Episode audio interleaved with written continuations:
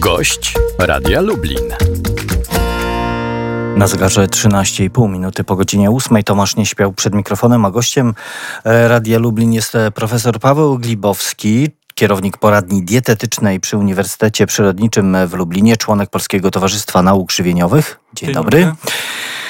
100 milionów pączków zjedzą dziś e, w tłusty czwartek e, Polacy. E, do ich przygotowania zużyte zostanie w piekarniach, w cukierniach i domach, jak wyliczył bank BNP Paribas, zostanie użyte łącznie 2,5 tysiąca ton mąki pszennej, 500 ton cukru, 500 ton masła i grubo ponad milion litrów mleka. To będzie prawdziwe obżarstwo, mimo tych robiących wrażenie liczb raz w roku możemy sobie pozwolić e, na właśnie takie e, no, przekroczenie e, chyba limitów spożycia tych wszystkich produktów.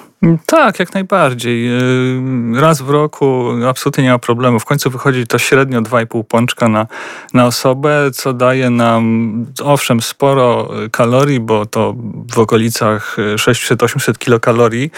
E, co często jest no, nawet połową zapotrzebowania przy niektórych osobach, u niektórych to jedna trzecia, ale jeżeli w pozostałe dni trzymamy się odpowiedniej diety, to nie jest to problem.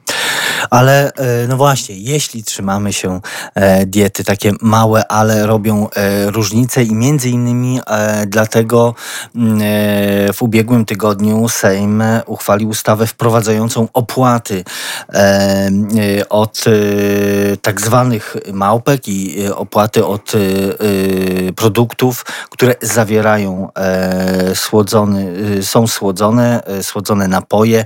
Mm, ustawa trafia do Senatu, ale dziś no może najważniejsze pytanie brzmi tak, czy ta opłata, czy ten tak zwany podatek cukrowy uzdrowi Polaków? No może aż tak optymistycznie bym do tego nie podchodził, natomiast... Bo jak też patrzymy na, na e, dane, które mówią o tym, że no grubo ponad połowa Polaków ma problem z nadwagą lub otyłością, to jest 53% kobiet, 68% mężczyzn, właśnie ta e, przypadłość dotyczy. Tak, tak, zgadza się. Natomiast no, myślę, że każdy krok w kierunku y, ograniczenia tego problemu jest korzystny, tym bardziej, że badania e, w wielu krajach pokazują, że rzeczywiście ten podatek jednak daje pewne efekty. Niedawno ukazał się taki raport Światowej Organizacji, Zdrowia, która podaje przykład Meksyku, gdzie wzrost ceny napojów słodzonych o 10% sprawił, że y, to spożycie tych napojów spadło o niemal 8% w całym społeczeństwie a w grupach e, mniej zamożnych prawie 12, a to te grupy są często bardziej narażone na nadwagę i otyłość. E, żeby nie sięgać za ocean, Węgrzy wprowadzili w 2011 roku podobną opłatę.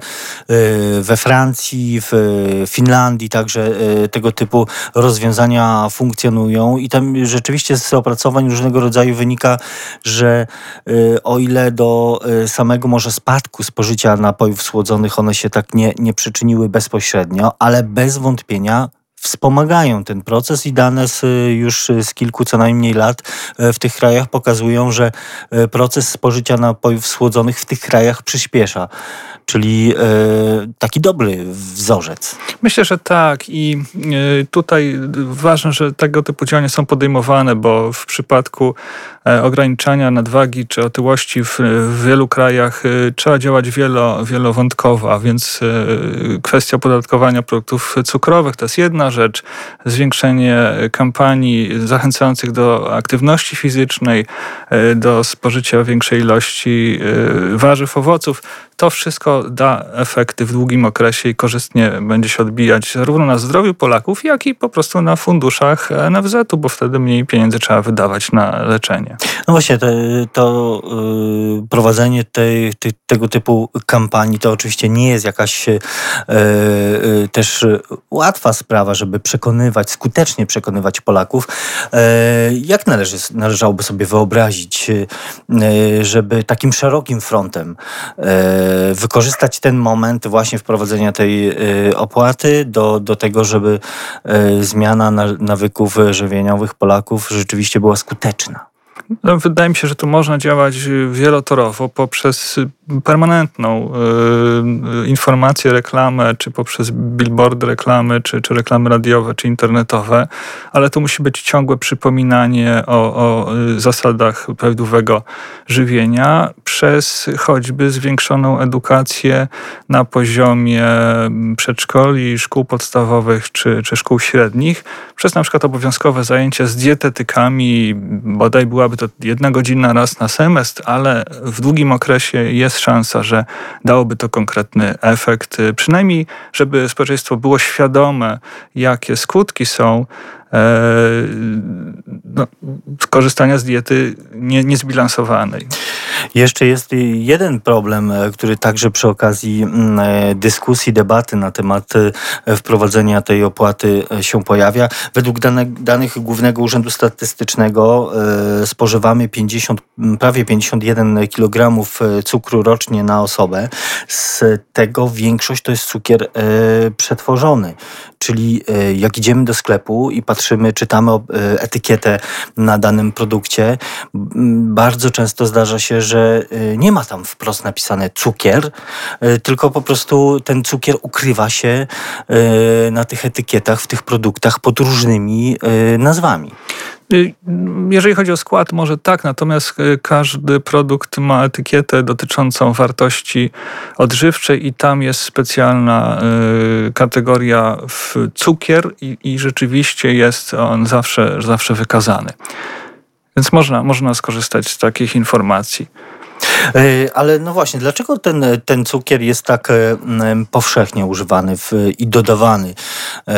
Bo nie tylko go spożywamy w takiej prostej postaci. Znaczy sprawa jest dość, dość banalna, po prostu smakuje nam to, co słodkie, a to jest efekt y, naszego, naszej historii związanej z ewolucją. Gdzieś w został ukształtowany pewien mechanizm y, nagrody w tym przypadku, że jeżeli je się coś słodkiego, no to spożywa się coś kalorycznego, w związku z tym zwiększa się szanse na przetrwanie. I to miało duże znaczenie w przypadku, kiedy no, wy, y, wyewoluowaliśmy ze zwierząt. No teraz, kiedy dzięki technologii potrafimy ten cukier wydobywać, z surowców, których normalnie nie spożywaliśmy, jak na przykład buraki cukrowe, no to efekt jest nieciekawy, a instynkt został. I ta pokusa jedzenia na słodko, tłustego i słonego w nas jest. Czyli też e, jest to rodzaj takiego narkotyku, można powiedzieć. Nie bez e, kozery e, nazywany jest cukier białą śmiercią. No, są pewne, pewne badania sugerujące rzeczywiście pewien rodzaj uzależnienia, ale to nie jest tak silne uzależnienie jak w przypadku typowych substancji uzależniających. Czy to, że z opłaty mm, tej cukrowej zostały wyłączone, przynajmniej na tym etapie, o którym, mm, na którym rozmawiamy, czyli jeszcze ten proces stanowienia tego prawa się nie zakończył. Czy, czy to, że z tej opłaty zostały wyłączone wyroby, e, w których na pierwszym miejscu w składzie znajduje się e, mleko lub jego przetwory, to, to dobrze? Ja uważam, że tak, dlatego że tu myślimy głównie o jogurtach smakowych. E, ja bardzo bym sobie życzył, żeby spożycie jogurtów wzrosło, dlatego że jogurty bardzo często zawierają korzystne dla zdrowia bakterie, E, które generalnie przyczyniają się do, do poprawy, poprawy zdrowia. E, już nie wspominając o jogurtach jako źródle wapnia y, czy, czy, czy dobrej jakości białka. Ta opłata ma trafiać do Narodowego Funduszu Zdrowia, i który będzie ją rozdysponowywał. E, część z tej opłaty ma trafiać do Funduszu Rozwoju Kultury Fizycznej. E, NFZ ma wydawać te pieniądze no właśnie na takie działania edukacyjne, na różnego rodzaju kampanie dotyczące właśnie walki z nadwagą i otyłością. Mm, to dobrze, że, że te pieniądze nie tylko zasilą e, i, i tak e, jednorazowo e, będą e, no właśnie taką akcyjną kampanią, tylko, e, tylko jest szansa, żeby to długofalowo e, zadziałało? Tak, jak najbardziej. Jeżeli to będzie widoczne, czyli zobaczymy efekt tego, w, w mediach, no to świetnie, to tylko temu kibicować, dlatego że zwiększona aktywność fizyczna to oczywiście znowu kolejny krok w kierunku ograniczania nadmiernej masy ciała, która jest problemem u wielu osób.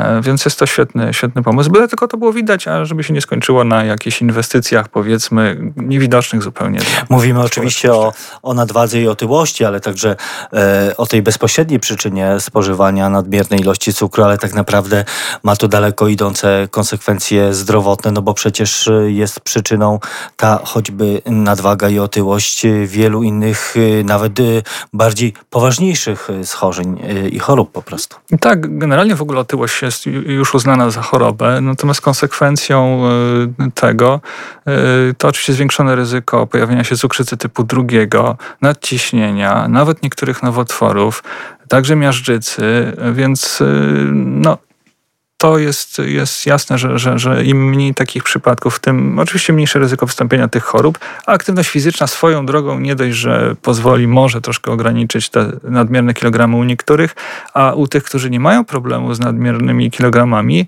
to generalnie aktywność fizyczna jest również bardzo korzystna, również w profilaktyce y, wspomnianych chorób, bo to nie jest tylko tak, że za te wymienione przeze mnie choroby odpowiada tylko nadwaga otyłość. Tam jest szereg czynników i między innymi brak aktywności fizycznej jest jednym z nich.